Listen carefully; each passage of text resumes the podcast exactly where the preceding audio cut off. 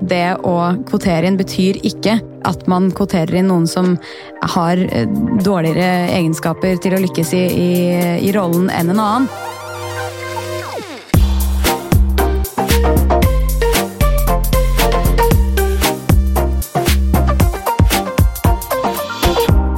Skal vi lykkes i morgen, må vi ta gode beslutninger i dag. og Derfor har vi samlet noen av landets mest toneangivende mennesker i denne podkasten om temaer vi vet vil forme livene våre fremover. Enten det er klima, sosial ulikhet eller hva som får folk til å lykkes på jobb og i livet. Dette er I morgen, en podkast fra oss i McKinsey i Norge. Jeg heter Kristoffer Toner, og i dag likestilling. Hvorfor får vi det ikke til? Og For å prate om det så har vi fått storstilt besøk i studio. Tech-gründer Isabel Ringnes og Finans Norge-sjef Idar Kreutzer. Velkommen begge to. Tusen hjertelig takk. Takk skal du ha. Isabel, jeg bare går rett på sak. I løpet av livet ditt, hvor mange ganger har det skjedd at du har vært for på en tech-konferanse, og så har du blitt spurt om du jobber der, eller du er på date? Det har skjedd noen ganger. Jeg har fått høre at jeg er blitt lurt med på en Tinder-date. Jeg har fått eh, spørsmål om jeg er en del av personalet, selv når jeg skal holde foredrag. Jeg har blitt spurt om eh, veien til toalettene, kaffe, eh, om jeg egentlig vet noe om teknologien som jeg er der åpenbart for å lære om. Så det har skjedd en del ganger gjennom livets løp, men det fyrer jo bare bensin på bollet, det. Ja, men Gjør du det der og da òg? Blir, du sånn, blir du irritert? Det er ikke alltid at man eh, skjønner hva som egentlig er blitt sagt før eh, man er hjemme, og reflekterer over eh, den opplevelsen som man sitter igjen med. Og det er jo det som vi sikkert kommer litt mer inn på etter hvert, mm. men dette med ubevisst diskriminering, at det er litt sånn vanskelig å sette fingeren på. Men akkumulert og over tid så får det stor betydning. Mm. Idar, hvor mange har forvekslet deg med personalet, eller om du har vært på date? Altså, Jeg var ganske ung da jeg kom inn i litt av hvert, så jeg har blitt spurt noen ganger om jeg, Du har det? Ja, jeg har blitt spurt om, om veien til toalettet og om jeg kunne hjelpe til med litt kaffe. Men, men, etter hvert så har jeg ikke det, altså. Så jeg tror det er ganske forskjellig hva slags opplevelser kvinner og menn har i en sånn situasjon. Mm, og det er det vi skal snakke om i dag. Eh, og først da prate litt om det året vi har vært eh, gjennom, for det har vært krevende. Koronapandemien er jo en helsekrise, først og fremst. Men det har også skapt vinnere og tapere på andre områder, inkludert på likestillingsområdet. Og kollega i McKinsey, Stine Rømmen Andersen, du har jobbet mye med dette temaet. Hva har koronapandemien eh, å si for likestillingssituasjonen i verden? Det har jo dessverre satt en del tilbake. Eh, og det er jo trist, men eh, vi ser det jo egentlig på flere områder. så Det ene vi ser er at det er jo veldig mye kvinner i, i frontlinjen. I de yrkene som, som um, hvor korona treffer hardest. Uh, så ser vi det på at Helsearbeidere. Helsearbeidere. Helsearbeidere, for eksempel. Eh, og så ser vi jo at i de områdene hvor, altså hvor det er nedbemanninger, det er ofte områder, altså bransjer hvor det er høy kvinneandel, så det er flere som, som faller ut av yrkeslivet. Og så ser vi det også på de som fortsatt er i jobb, at man, man holdes tilbake. Og det ene er jo at, og det har vi hatt en stor debatt på i Norge også, altså dette med at kvinnen tar større andel av arbeidet hjemme, som gjør at man nedprioriterer jobben. Men selv der hvor man er på en måte i jobbsetting, så ser vi at kvinner nedprioriteres og ikke får en plass ved bordet. Da. Eh, så vi har, eh, Når eh, liksom, kriseteamet blir satt, hvem er det som skal håndtere koronaepidemien, så er det 85 menn som blir, som blir, invitert med på den oppgaven. Da. Mm, så det du snakker om konkret, er, det er, det er disse taskforcene som landet har satt opp? Ikke sant. Og der er det 15% kvinner? 15 kvinner, ja. Isabel, hva tenker du når du hører dette? Jeg er dessverre ikke overrasket, eh, og det er vel kanskje enda en påminnelse om at eh, kvinner er en utsatt gruppe i mange eh, land, også i Norge. Så det krever at vi setter enda mer fokus på det og fortsetter det arbeidet som vi har gjort opp til nå. Og at vi på ingen måte stopper opp og, og hviler på laurbærene, særlig etter pandemien i 2021. Mm. Men, men, ser du på det som en koronaeffekt som på en måte kan forsvinne etter at pandemien er over, eller peker dette på noe annet? Det er nok en del eh, underliggende ting i samfunnet som allerede er der, og som blir, som Stine var inne på, forsterket av pandemien. Eh, som f.eks. at kvinnedominerte yrker har vært mer utsatt. Eh, og denne, disse kjønnsstereotypiene gjør at kvinner naturlig tar mer plass i hjemmet, eller føles i hvert fall naturlig at de skal ta mer plass i hjemmet. Og så er det også bevist at det er når en av partene i et forhold må gi opp jobben sin, så er det ofte at de føler at da er det mer naturlig at mannen beholder sin jobb. Kanskje også fordi at den er bedre lønnet. Så dette er underliggende ting allerede, men som da er blitt forsterket av pandemien. Mm, så, så, hvis det ikke er en ren koronaeffekt, eh, Idar, hvordan er det mulig i 2021 at man får et tilbakesteg på likestillingsfeltet? Jeg tror det er som uh, Isabel sier, at det er, uh, det er en viktig påminnelse. For jeg tror mange av oss tenker at vi har kommet langt. Uh, det har vært jobbet systematisk av mange sterke, særlig kvinner, i flere tiår. Og vi ser jo undersøkelser som viser at Norge ligger helt på toppen. Mm. Og så skjønner jeg at McKinseys undersøkelse er en internasjonal undersøkelse, men vi ser noe av det samme i, i Norge. Jeg syns det er en påminnelse om to ting. Det ene er ja, vi har kommet langt, men det, står, det går Eh, altså, vi har langt igjen på mange områder. Og det andre det er det at hvis ikke vi hele tiden er påpasselig, hvis ikke vi hele tiden gjør det vi mener er nødvendig, og er oppmerksomme, så er det lett til å gli tilbake i vante mønstre. Før vi går videre, så får jeg bare lyst til å eh, spørre for å gjøre det helt klart for, for den som lytter på. Vi snakker jo om likestilling, dette begrepet. Eh, men hva er det egentlig vi mener, Stine, når vi snakker om likestilling mellom kvinner og menn? Altså, vi snakker jo om ja, like muligheter da, og like rettigheter. Eh, og det er jo ikke sant, rett og mulighet til utdannelse, til å få en jobb, eh, til å eh, avansere på jobb. Um, og så er det jo ikke bare kjønn heller. Altså, det er jo veldig så mye på etnisitet, religion, eh, fritidsaktiviteter eller hvilken skole man har gått på. Det er jo hele bildet. Mm. Og, og vi, dette er jo den gamle diskusjonen, og jeg er helt enig i, i den definisjonen, men jeg, men jeg, vil nok si at uh, på en del områder så går vi jo lenger enn bare like muligheter. Vi vil også ha likt resultat, uh, eller i hvert fall et ganske likt resultat. Vi ønsker en balanse mellom kvinner og menn, selv om du kan teoretisk si at man har hatt like muligheter. Hvis du får vesentlige ubalanser på områder der du ønsker en balanse, så er det jo bred vilje nå til også å være med og iverksette tiltak for å utligne det. Sånn at både mm. like muligheter, men også uh, balanse på viktige områder. Eh, og, og, eh, Jeg skulle egentlig til å si at vi skal komme tilbake til løsningene, men når du sier det du sier, Idar, så må jeg spørre deg. Når du sier at én ting er like muligheter, en annen ting er at vi ønsker at like muligheter skal gi likt resultat, altså likt utfall i en toppledelse f.eks. med antall kvinner og menn. Er konsekvensen av det du sier at du egentlig da vil ha en slags kvotering. Selv om en kvinne er mindre kvalifisert enn en mann, så skal kvinnen ansettes i ledelsen? Du har kvotering på flere nivåer. I Norge så tok vi et valg i 2004 hvor vi sa at det skal være 40% kvinner i styrer. Mange var skeptiske til det. Eh, jeg har nok kommet til det at hvis vi ønsker et Altså, vi får ikke til endring med mindre vi gjør det som er nødvendig for å få endringen til å skje. Det at vi ønsker det hardt nok, det hjelper ikke. Så noen ganger så er det nødvendig. Men, men jeg tenker nok mer på styrene, på konsernledelsene, på ansvarlige ledere på ulike steder i samfunnet. Vil, eller bør ønske eh, å ha balanse i egen ledergruppe. Bør ha balanse på viktige posisjoner. Om du kaller det kvotering eller ikke, det vet jeg ikke, men, men altså målrettet søke etter underrepresentert eh, kompetanse tror jeg er viktig. Hva kaller du det, Isabel? Jeg vil jo bare si at eh, jeg er helt enig i det Idar sier. Eh, samtidig så syns jeg også det er veldig viktig å understreke det at det å kvotere inn betyr ikke, eh, i hvert fall i de fleste sammenhenger, at man kvoterer inn noen som har dårligere egenskaper til å lykkes i, i, i rollen enn en annen.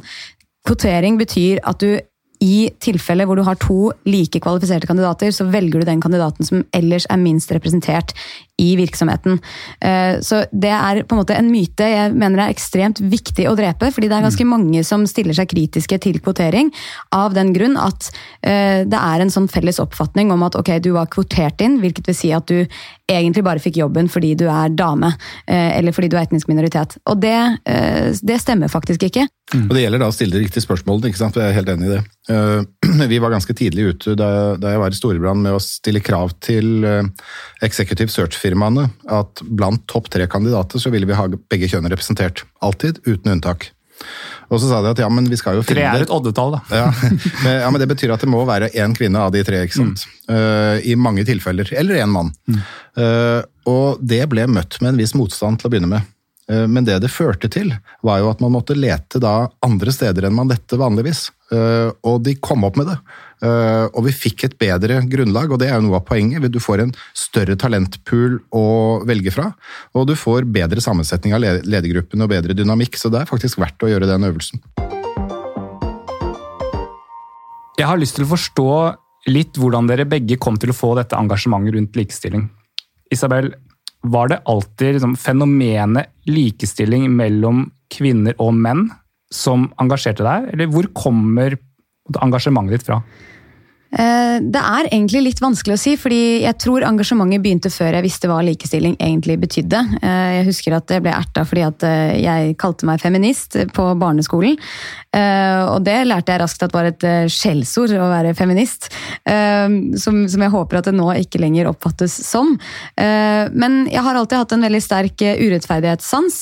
Har vært ganske bevisst på hvordan ulike mennesker, og da kanskje spesielt jenter og gutter, har blitt eh, oppfordret til ulike ting, tiltalt på ulike måter, eh, eksponert for ulike ting, utfordret til ulike ting. Og, det, og så merket jeg også at sånn eh, Det var noen som hadde utfordringer på skolen, som ble mobbet fordi de var annerledes.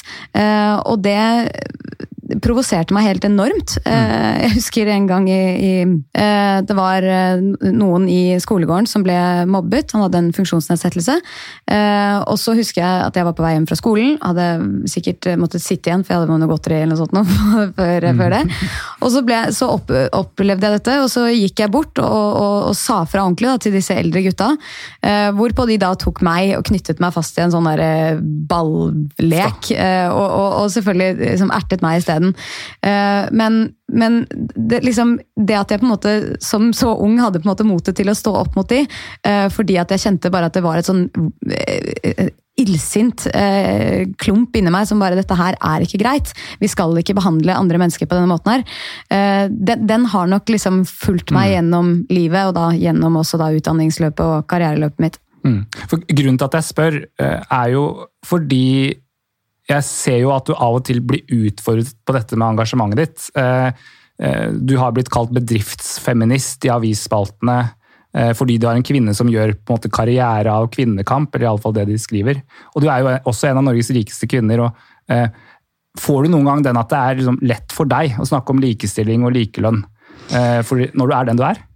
Jeg tror det er veldig viktig at jeg som den jeg er, snakker om akkurat det. Eh, og det er ikke altså sånn, Det er jo veldig vanskelig å gjøre noe riktig eh, i disse dager, men det er et engasjement som jeg har. Jeg, jeg kommer ikke til å unnskylde meg for, på noen som helst måte. Jeg håper jo at folk skjønner at man ikke orker å stå i noe sånt noe som det er i, i nesten ti år, hvis man ikke har et genuint engasjement for det.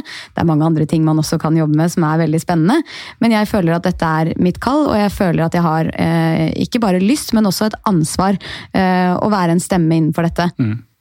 Og Idar, det er kanskje ikke så rart at man blir engasjert når, når man opplever å ha Forteller om den, det at dette instinktet ditt, egentlig, Isabel, startet da du var veldig ung. Men, men hvor kommer ditt engasjement fra, Idar, på likestillingsfeltet? Nei, det, det kom nok uh, Altså, jeg har alltid vært politisk aktiv, men jeg har hatt uh, andre sånne temaer høyt på agendaen, må jeg si. Eh, så det kom nok når jeg fikk lederposisjoner. Og jeg var av de litt naive lederne som trodde vi hadde kommet veldig mye lenger. Mm. Og ble litt overrasket over å se i praksis eh, hvordan det fungerte. Og eh, min tanke var nok det at eh, for det første så ble jeg overrasket. Eh, For det andre så tenkte jeg at i dette så må det jo ligge en mulighet. Altså Hvis vi er bedre enn andre på å utnytte hele talentpoolen, så får vi tak i mye flinkere folk. En, eh, altså Større sannsynlighet for å få tak i flinke folk enn andre. Så vi hadde lyst til å gjøre en greie ut av det. Eh, vi ønsker at flinke kvinner skal komme til oss. Eh, Så det var det ene. Det andre er at jeg har erfart at i ledergrupper med større mangfold, så er det en bedre dynamikk. Og så har McKinsey vært veldig flinke til å vise at det faktisk er sånn, eh, ikke bare sånn anekdotisk. Og så tror jeg det, det tredje er Du, du, du kaller det rettferdighetssans, eh, Isabel. og det, altså det er et eller annet med det synet vi har på hva slags type samfunn vil vi bo i. Hva slags samfunn vil vi være med å skape? Vi har ikke lyst til å leve i et samfunn der hvor det er uh, så, hvor, hvor, hvor, man deler på kjønn, liksom. Hvilke mm. muligheter man skal ha, og deltakelse i viktige samfunnsbeslutninger. Vi ønsker å leve i et samfunn der man har like muligheter og like rettigheter, og da må vi være med uh, på den prosessen. Mm, for til det og så en ting til. Jeg har fire døtre. Det hjelper, det òg. ja, for nettopp altså, En grunn til at jeg var så gira på å få deg med i denne episoden, Idar, det, det er jo det som skjedde i fjor høst. Mm. Um, da det ble debatt rundt Det Norske Selskap, det er en herreklubb, stiftet i 1772, så den er ganske gammel. Du endte opp med å melde deg ut. Hvorfor det? Ja, det, det, var egentlig ikke et likestillingsspørsmål uh, som sådan. Altså, fordi jeg, jeg, hadde nok i utgangspunktet et mye mer pragmatisk syn på det. Altså, dette er en klubb som er bygget på et spesielt fundament. Uh, og uh, det er ikke noe sånn det er ikke noe sånn sterk ledelse som går inn og bare snur opp ned på sånne ting. Det må skje en gradvis prosess over tid. Ingen hemmelighet at jeg hørte til den delen av den klubben som syntes at det burde åpnes for kvinner. Mm. Men jeg hadde ikke noe problem selv med å Eh, la den tiden gå som var nødvendig til at det modnes i klubben. Eh, men eh, slik som den diskusjonen da utviklet seg, så ble jo jeg assosiert ikke bare med meg selv og mitt eget valg, men også med en næring som jeg representerer. Og det blir stilt spørsmål med hvordan kan du som fremste representant for finansnæringen være med i en forening som ikke tillater kvinner? Altså, jeg skjønner det, det er et mm. legitimt spørsmål. Og jeg sa at med det utgangspunktet, den diskusjonen, den kan jeg ikke vinne. Så da valgte jeg å melde meg ut, særlig av hensyn til, til medlemmene. Men så håper jeg jo da at det at det du kan kalle de progressive kreftene da melder seg ut, at ikke det fører til at endringene går saktere. Ja, at det blir vanskelig å få endring. Ja, ikke sant? Så jeg håper ikke at det er effekten av det, for det, det vil jo være litt uheldig. Mm, Isabel, du var jo også veldig høylytt i denne debatten. Eh, selv om du sier Idar, at det ikke var per se et likestillingsspørsmål, var det bra for, i et likestillingsperspektiv at eh, Idar, som er en profilert eh, personlighet i finansbransjen og i næringslivet for øvrig, meldte seg ut? Jeg tror det, og alle må jo ta individuelle valg, men jeg tror eh, gitt den posisjonen du har, så sender det et veldig tydelig signal om at dette er gammeldags. Vi må tenke fremover, eh, vi må være inkluderende. Eh, dette er jo en klubb hvor man skal diskutere samfunn og bygge nettverk osv. Beklager, men nå bor vi faktisk i et samfunn hvor kvinner bør være en del av nettverk og bør være en del av samfunnssamtalen. Og så er det jo en viss elite som er samlet der, og det, det bør jo i hvert fall tale sin sak. Eh, så jeg syns absolutt at det var eh, beundringsverdig at du gjorde det, så takk. For det er jo summen av endringer, eller det er summen av ting som skaper endring. Dette er jo kanskje en litt sånn som symbolsk handling i det, i det, store bildet. Men Stine, er det likevel viktig, sånn som eh, du har sett? Ja, det er jeg er helt enig. Og jeg tror begge dere to er jo sant, eksempler på profiler som som har en type posisjon som gjør at folk lytter til dere og ser til dere og på en måte lar seg inspirere. Og jeg tror, og akkurat det du sa i begynnelsen, Idar, at dette er et tema som hvis du slipper det i et minutt, så faller det tilbake. Så vi er liksom helt avhengig av hele tiden holde fokus. Og ved at man får den typen handlinger, og egentlig og din plattform da, Isabel, gjør at vi klarer jo det, å få det fokuset. Og det, hvis, eh, hvis, jeg hadde gjort noe tilsvarende, så tror jeg liksom ikke det norske samfunnet hadde beveget seg veldig mye. Men, men når man har den type posisjon som dere har, så tenker jeg det er kjempeviktig. Og da er det store spørsmålet hva nå? Hva er det man bør gjøre? Stine, du var jo med å lage vår eh, nyeste rapport som snakker om vitsen med likestilling. Hva var det dere fant ut? Vi fant ut det at eh, det er en, en sammenheng mellom selskap som har mer enn 30 kvinner i, i, ledelsen, og økonomiske resultater. og Det gjør det faktisk opptil 50% bedre enn de selskapene som er under 10% kvinner i ledelsen. Så likestilling lønner seg? Eh, ja, det, det, gjør det, men det er ikke sånn at eh, likestilling i seg selv, altså bare det å få kvinner inn i ledelsen, vil være det som gjør forskjellen. Eh, det er noen drivere under som vi da må prøve å forstå, og, det er egentlig fire ting. Så Den første tingen det går på at man får et større pool av talenter å velge mellom. og Det gir bedre folk inn døra og liksom, bedre resultater. Det andre elementet går på dette som Ida var på, at beslutningskvaliteten går opp i sammensatte team. Det har vi sett mange steder, men Harvard er jo liksom virkelig foran i å tenke på dette her, og har masse data på at sammensatte team gjør bedre, gjør bedre beslutninger. Så er det jo noe med at kundeforståelsen blir bedre, og det er jo liksom både banale eksempler, at liksom kvinnen er ute og handler og, og man forstår kunde, kundegruppen, men, men i, sånn som verden er nå, så blir det jo flere og flere kvinner som er liksom viktige beslutningstakere. Og det å forstå den beslutningstakeren blir vel så viktig som å forstå den mannlige beslutningstakeren. Eh, og Det siste poenget går jo også litt på dette med pool av, eh, altså tilgang til størst mulig pool av talenter. Men det er flere og flere unge som, eh, som ønsker å være i et bedrift hvor likestilling er på agenda, hvor hvor man har en balansert organisasjon på kjønn. Og det ser vi igjen og igjen, at det blir viktigere og viktigere. Og Da er spørsmålet hvilke tiltak man skal treffe. og Der kommer kanskje f.eks. equality check inn, Isabel, som er det, en av de tingene du driver med på likestillingsfeltet. Hva er equality check? Takk for at du spør, Kristoffer, for det er eh, kanskje det beste tiltaket. Eh, det, og det går på at eh, det er en datadrevet tilnærming til dette. her, fordi man vet at hvis man Og dette gjelder jo egentlig alle områder. Hvis man måler noe, så blir det også gjort noe med. Altså what gets measured gets managed. Mm. If you don't count it, it doesn't count. Og det er egentlig det Equality Check driver med. Vi, vi samler inn data. Så vi er jo først og fremst en plattform for anonyme vurderinger om hvordan ansatte opplever likestilling likestilling, kultur, mangfold, inkludering, work-life balance osv. på arbeidsplassen sin. Eh, og så, når de da har gått inn og, og sagt fra, på en måte, eh, på en konstruktiv måte, gjerne positiv, eh, så, så, kan andre se hvordan bedriften gjør det, inklusive da virksomheten selv. Og så får vi inn veldig spennende data, for vi måler jo hele mangfoldsaspektet, eller alle perspektivene, som arbeidsgivere selv ikke har lov til å spørre om. Så vi spør jo både om kjønn og etnisk minoritet minoritetsbakgrunn, funksjonsnedsettelse, religion, eh, seksualitet osv. For å gi virksomheter en indikasjon på hvordan ulike grupper hos dem faktisk opplever kulturen. Videre så har vi da en eh, B2B-plattform, eh, som er en abonnementstjeneste, hvor da bedrifter eh, kan gå inn, rapportere hvordan deres egne tall ser ut over tid for å følge utviklingen, og deretter identifiserer vi deres problemområder basert på tallene som de setter inn, og så presenterer vi da evidensbaserte tiltak til hvordan de kan bli bedre. Og disse Som for eksempel? Eh, ja, da må man nesten gå inn. Nei, disse tiltakene er jo da utviklet sammen med CORE, eh, som er, et, eh, som er Center for Research on Gender Equality. Som vi da har drevet et forskningsprosjekt med de siste tre årene. Og der kommer det mye spennende frem de neste månedene. Ok, det blir spennende. Mm. Jeg var faktisk inne og sjekket vår arbeidsgiver på Equality Check, Stine. McKinsey i Norge. Og Der får vi faktisk fem av fem stjerner, men det, da tenkte jeg faktisk at det kanskje er litt for, for hyggelig rating av oss. Eh. Ja, så er det Veldig hyggelig med, med, hyggelig rating, det blir vi glad for. Men hvis vi skal være helt ærlige med oss selv, så er vi ganske dårlige eh, på toppnivå hos oss. så Vi har jo åtte partnere, hvorav null er kvinner i dag. Eh, og Det er jo et måte, tall man personlig da, i hvert fall ikke blir motivert av. Det er jo, ganske, det er, jo egentlig litt flaut og liksom paradoksalt når vi er ute og går og snakker om disse tingene, og så den, snur man seg rundt og ser på hjemmebane, og så er det så dårlig.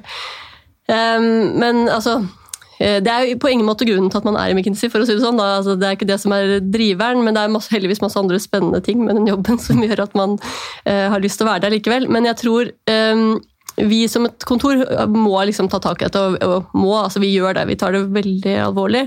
Og så er det jo en del ting som er altså vi, vi ser jo allerede i de lavere nivåene, altså på juniorparternivå der jeg er, og nivåene under, så er det jo heldigvis mye bedre. Så vi håper at dette endrer seg liksom over tid. da. Eh, og ikke over tid, men ganske raskt. Men, eh, men det er klart at der liksom må vi ha trykket på, fordi det selv hos oss eh, skjer det, ikke sant, som er så opptatt av dette. Så så ja, det er vel eh, ikke det stolteste datapunktet mm. vi har. Ja, hvor, mange, hvor, mange, ansatte er dere i McKinsey? 130. I Norge? Ja, noe sånt. I Norge? Mm. Ja, for dere har bare ti vurderinger, så det mm. kan godt hende at ja. det ikke er et helhetlig bilde Trolig av hvordan det faktisk er der. Så da er det bare å gå inn, kjære McKinsey-ansatte, og vurdere McKinsey. Men vi har gode initiativer som Equality Check. Idar, hva ville vært ditt råd til ledere mellomledere, andre som ønsker å måtte kanskje få litt mer rakettfart på, på likestillingsarbeidet? Mm, jeg, det, altså jeg, jeg, jobber på tre, tre, nivåer. Altså det ene er tonen på toppen. Det høres gammeldags ut. Helt avgjørende Og det er to budskap som du må tro på selv som leder for at organisasjonen skal tro på deg. Og Det ene er at du klarer å, å formulere det der business caset for likestilling på en, på en måte som, som, er reelt. Du må ha tenkt gjennom det. Og det andre er at du må stå for et sett med verdier og holdninger som er troverdig. Øh, det er gjenkjennelig. Det er veldig viktig. Det andre er alle disse en lang rekke konkrete tiltak som må gjennomføres. Jeg nevnte dette med oppdraget til headhuntere. Hvordan du skriver utlysningstekster. Altså Nå begynner vi å få så mye kunnskap om konkrete tiltak som skal gjennomføres. Men nummer tre, som jeg har blitt mer bevisst på etter hvert, det er dette unconscious bias-type problemstillingen. En undersøkelse som gjorde inntrykk på meg. Eh, man hadde tatt en CV på to unge akademikere. ene var, kalte man Jill, andre kalte man Bill akkurat samme. Sendte ut til 100 universiteter i Amerika og ba dem uh, vurdere disse kandidatene for stillinger. Men CV-ene var like? Helt identiske CV-er. Uh, og mannen kom ut 35 høyere lønnsmessig og fikk langt flere jobbtilbud enn kvinnen. Hmm. Og det er på fremtredende amerikanske universiteter. Uh, altså Vi skal være klar over at se, vi, vi, kan ikke bare legge ansvaret på kvinnene og si at nå har vi gjort alt vårt, så nå er det opp til kvinner å, å foreta valgene og bruke mulighetene. Vi må være veldig bevisst på det som er de litt mer strukturelle forholdene som påvirker valg. Uh, og det tror jeg vi gjør gjennom å ha akkurat denne type diskusjoner som vi har nå. Mm. Isabel, jeg skal spørre deg om hva som er ditt ene råd, men det slo meg når du nevnte dette med at man må tenke gjennom måte, alle aldersgrupper. Er det en fare for at man i dette ender opp med å diskriminere menn? Jeg tror man generelt skal tenke på at man ikke skal diskriminere noen. Nå er det jo en skjevhet som skal rettes opp i, og da skal man jo være uh, oppmerksom på det. Nå er det jo ikke slik at det frem til nå har vært et veldig stort problem at man diskriminerer menn, uh, som selvfølgelig da er reflektert i hvordan uh, ledelsen ser ut i arbeidslivet i dag. Mm. kanskje spesielt næringslivet. og så vil jo noen kanskje si at ok, men er det et nullsumspill, liksom? Er det sånn at da, når kvinner får flere muligheter, så får menn færre? nei men når man eh, gjør talentpoolen større, som Stine var inne på, så blir jo nåløyet trangere.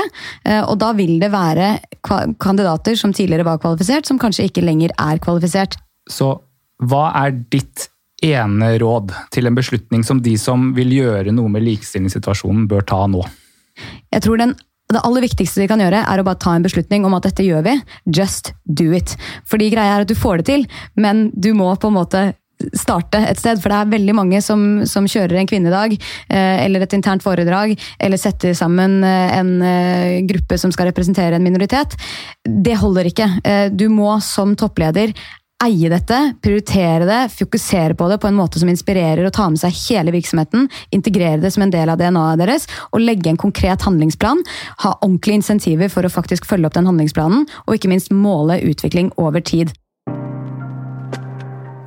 Isabel Ringnes, Idar Kreutzer, inderlig tusen takk for at dere vil være med i denne podkasten. Tusen takk for at vi fikk komme. Takk skal du ha. Stine, to veldig inspirerende mennesker. Lærte du noe nytt?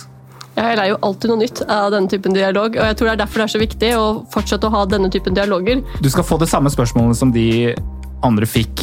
Hva er den ene beslutningen som man må ta i dag for å gjøre noe med likestillingssituasjonen? Nå har jo eh, Både Isabel og Ida nevnt utrolig mange av eh, mine viktigste poenger også, så jeg tror hvis jeg skal legge til noe nytt, så måtte det jo være å prøve å linke enda mer eh, insentiver til resultater. Så kunne man tenke seg at man f.eks. hadde tatt en større andel av sjefers årlige bonuser og knyttet til at man faktisk nådde disse målene. Det tror jeg kunne vært spennende å se på. Mm, ja, det hadde vært veldig spennende å se hva det ledet til. Det var alt vi rakk i dag. og Har du spørsmål eller innspill til det du hørte, send oss gjerne en mail på imorgen at mckinsey.com. Neste gang hopper vi rett inn i en stor megatrend akkurat nå. Rekordmange shopper på nett, men hva skjer med nettbutikkene når landet nå åpner igjen? og hvis Amazon kommer til Norge. Oda-gründer Carl Munthe Kaas og Posten-sjef Tone Ville kommer i studio. Ha det så lenge.